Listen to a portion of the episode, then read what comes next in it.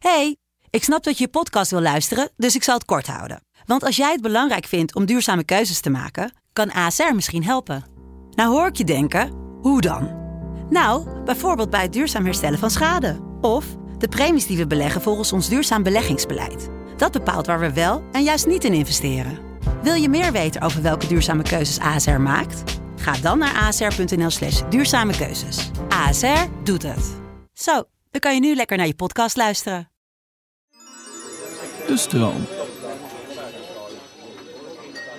Wat was het gezellig, maar te veel gegeten. Of het was niet echt gezellig en het eten was ook niet te eten. Wat wil je horen? Ik ben er in allebei de gevallen voor je. Je verdient het. Te veel is een sociaal construct. Gezelligheid is een bijproduct van geluk. Alleen in Nederland bestaat dit woord. En gelukkig is het gelukt. Of was het niks? Het gezelschap een stel drammers. Het eten in het echt lang niet zo smakelijk als in die reclame met Frank Lammers. Laat me je in dat geval op dit vrijtje trakteren. Het is allemaal achter de rug nu. Je kunt lachend reflecteren.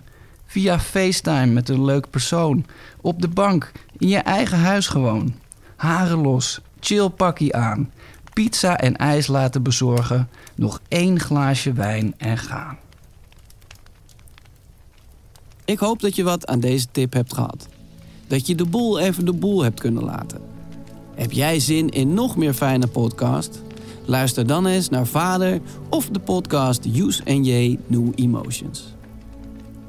Geniet. Liefs, Pepijn.